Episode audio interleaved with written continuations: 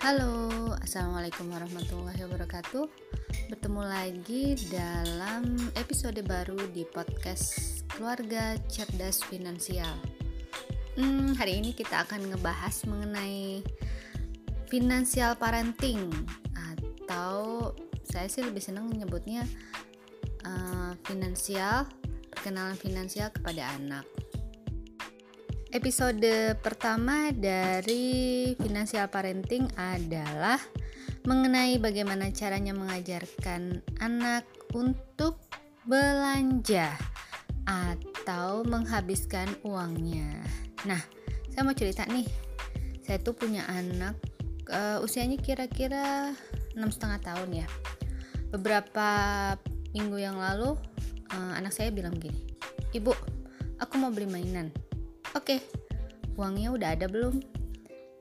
Hmm, mungkin ada yang heran ya, kok anak kecil ditanya, udah ada uangnya belum? Karena saya udah uh, punya tabungan khusus buat anak. Jadi setiap hari anak saya saya kasih uang untuk dia menabung khusus kalau dia mau beli mainan. Itu nanti akan kita bahas di episode kedua parenting finansial mengenai smart saving pada anak. Nah, kembali lagi ke episode perdana kita mengenai bagaimana cara mengajarkan anak belanja. Nah, lalu saya tanya, kamu beli apa? Mau beli mainan remote control. Oke, karena sekarang sedang uh, pandemi ya, jadi kita melakukan semua pembelanjaan lebih banyak lewat online atau beli online. Nah, tantangan dalam membeli barang secara online itu adalah pertama kita nggak bisa melihat bentuknya secara fisik ya jadi kita nggak tahu ini seperti apa sih ya. Kita hanya bisa melihat dan menerka dari foto atau dari gambar atau dari video kalau disertakan atau dari testimoni. Nah yang kedua adalah kita nggak tahu ini kualitasnya sesuai nggak dengan yang uh, dibicarakan di toko tersebut. Seperti itu. Setelah anak saya ingin um, memutuskan bahwa dia mau membeli remote control lalu saya memperbolehkan ia untuk uh, menelusuri salah satu marketplace tapi dengan pengawasan tentunya. Jadi di sini kunci pertama adalah kita memberikan kepercayaan kepada anak untuk memilih sendiri barang apa yang dima dimaui. Nah, saya memberikan kebebasan kepada anak untuk memilih. Uh, kamu mau apa? Saya mau remote control. Oke, saya uh, ketik kata kunci remote control. Mau remote control seperti apa? Mau remote control yang 4WD. Oke, okay. remote control 4WD. Nah, lalu ketemulah tuh dengan berbagai macam jenis rupa uh, remote control 4WD dan dari harga yang cukup standar sampai mahal tentunya. Nah, lalu uh, anak saya bilang, e, Bu, aku mau pilih sendiri. Oke silakan pilih sendiri. Nah tapi yang kedua pilih yang ratingnya gede ya. Ratingnya gede tuh kayak gimana sih bu? Ratingnya gede itu kamu lihat yang uh, apa sellernya mendapatkan nilai di atas 4,5 oke lalu anak saya pun memilih hanya yang ratingnya di atas 4,5 kadang-kadang sih nanya Ibu, kalau 4,6 bagus nggak? Coba 4,5 sama 4,6 uh, eh, lebih gede mana? 4,6. Hmm, berarti bagus ya, Bu? Ya, bagus. Oke, lanjut dia mencari. Nah, sampai dia bertemu dengan beberapa pilihannya. Dia sudah sortir tuh ya dari beberapa dari testimoni karena kita kan kalau belanja online itu biasanya terpakunya dengan testimoni dengan rate yang diberikan oleh uh, konsumennya ya.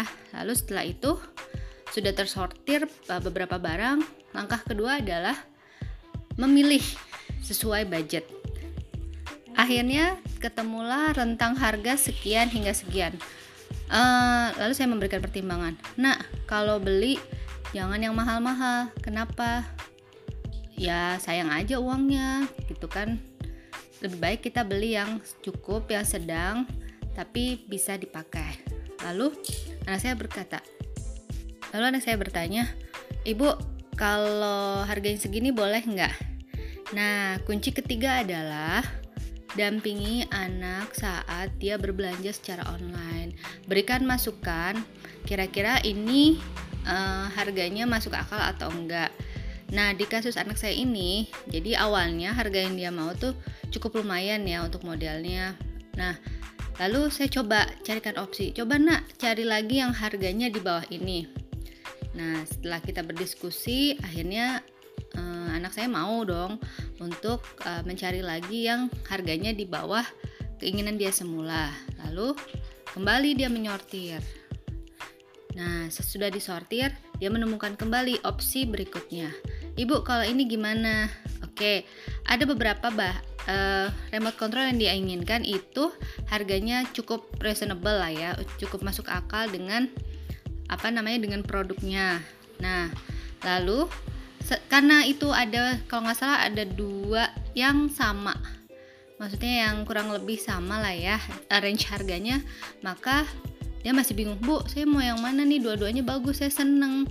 Oke kalau kayak gitu coba kamu diskusi sama ayah. Kan ayah yang lebih ngerti masalah 4WD nah berikutnya cara kita mengajarkan uh, belanja kepada anak adalah beritahu dia mana barang yang bagus. Jadi latih anak untuk memilih barang yang bagus dengan harga yang cukup reasonable. Jadi karena kita mengarungi dunia online yang sangat banyak produk dengan range harga yang bervariasi, meski produknya sama, kadang kita harus jeli dong untuk memutuskan, oh biasanya sih ada harga yang lebih murah tapi dengan barang yang sama gitu. Nah akhirnya uh, anak saya langsung diskusi kepada ayah, ayah terdengar suaranya dari kejauhan, ayah aku mau yang ini.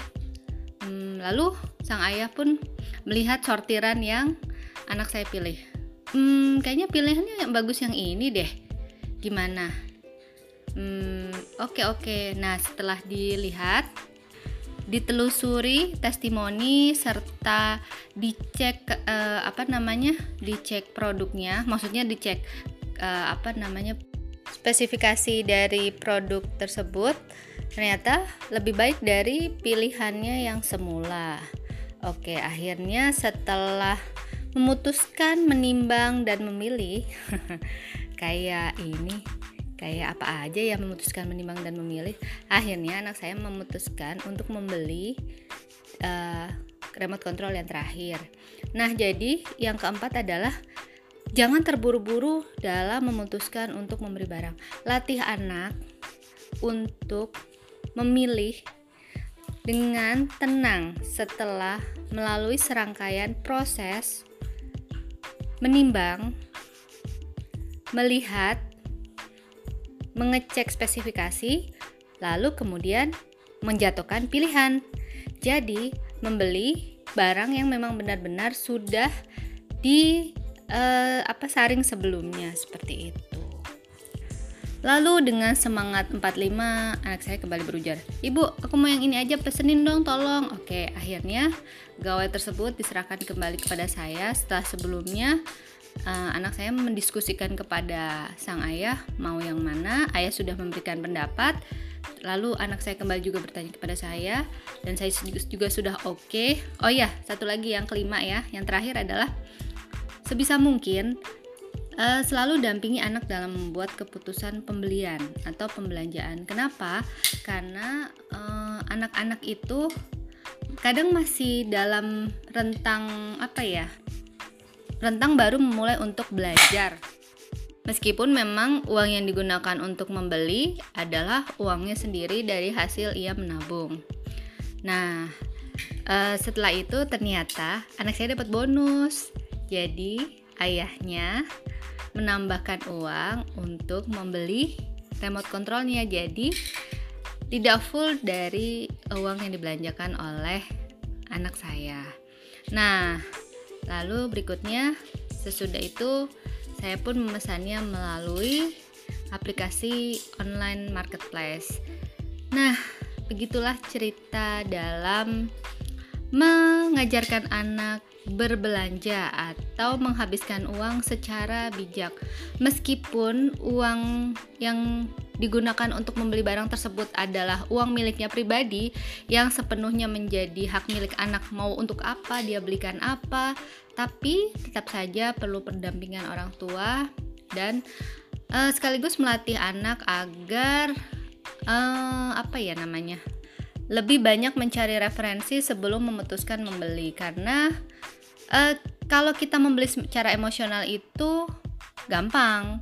Langsung aja beli ina itu ina itu. Tapi kadangkala itu kan suka berakhir dengan penyesalan. Tapi jika kita mengajarkan anak untuk membeli secara logis berdasarkan kelebihan dan kekurangan serta keunggulan barang maka kemungkinan uh, untuk uh, anak merasa uh, rugi dengan pembeliannya itu lebih bisa kita minimalisir sekaligus kita melatih anak agar tidak terburu-buru atau tidak suka melakukan impulsif buying. Semua pembelian, semua pengeluaran uang harus dilakukan dengan pertimbangan yang matang. Oke. Itu adalah salah satu cara yang saya terapkan untuk mengajarkan anak dalam menerapkan smart spending. Semoga bermanfaat. Jangan lupa share podcast ini kepada teman kamu yang kamu rasa membutuhkan. Terima kasih sudah mendengarkan podcast Keluarga Cerdas Finansial. Wassalamualaikum warahmatullahi wabarakatuh.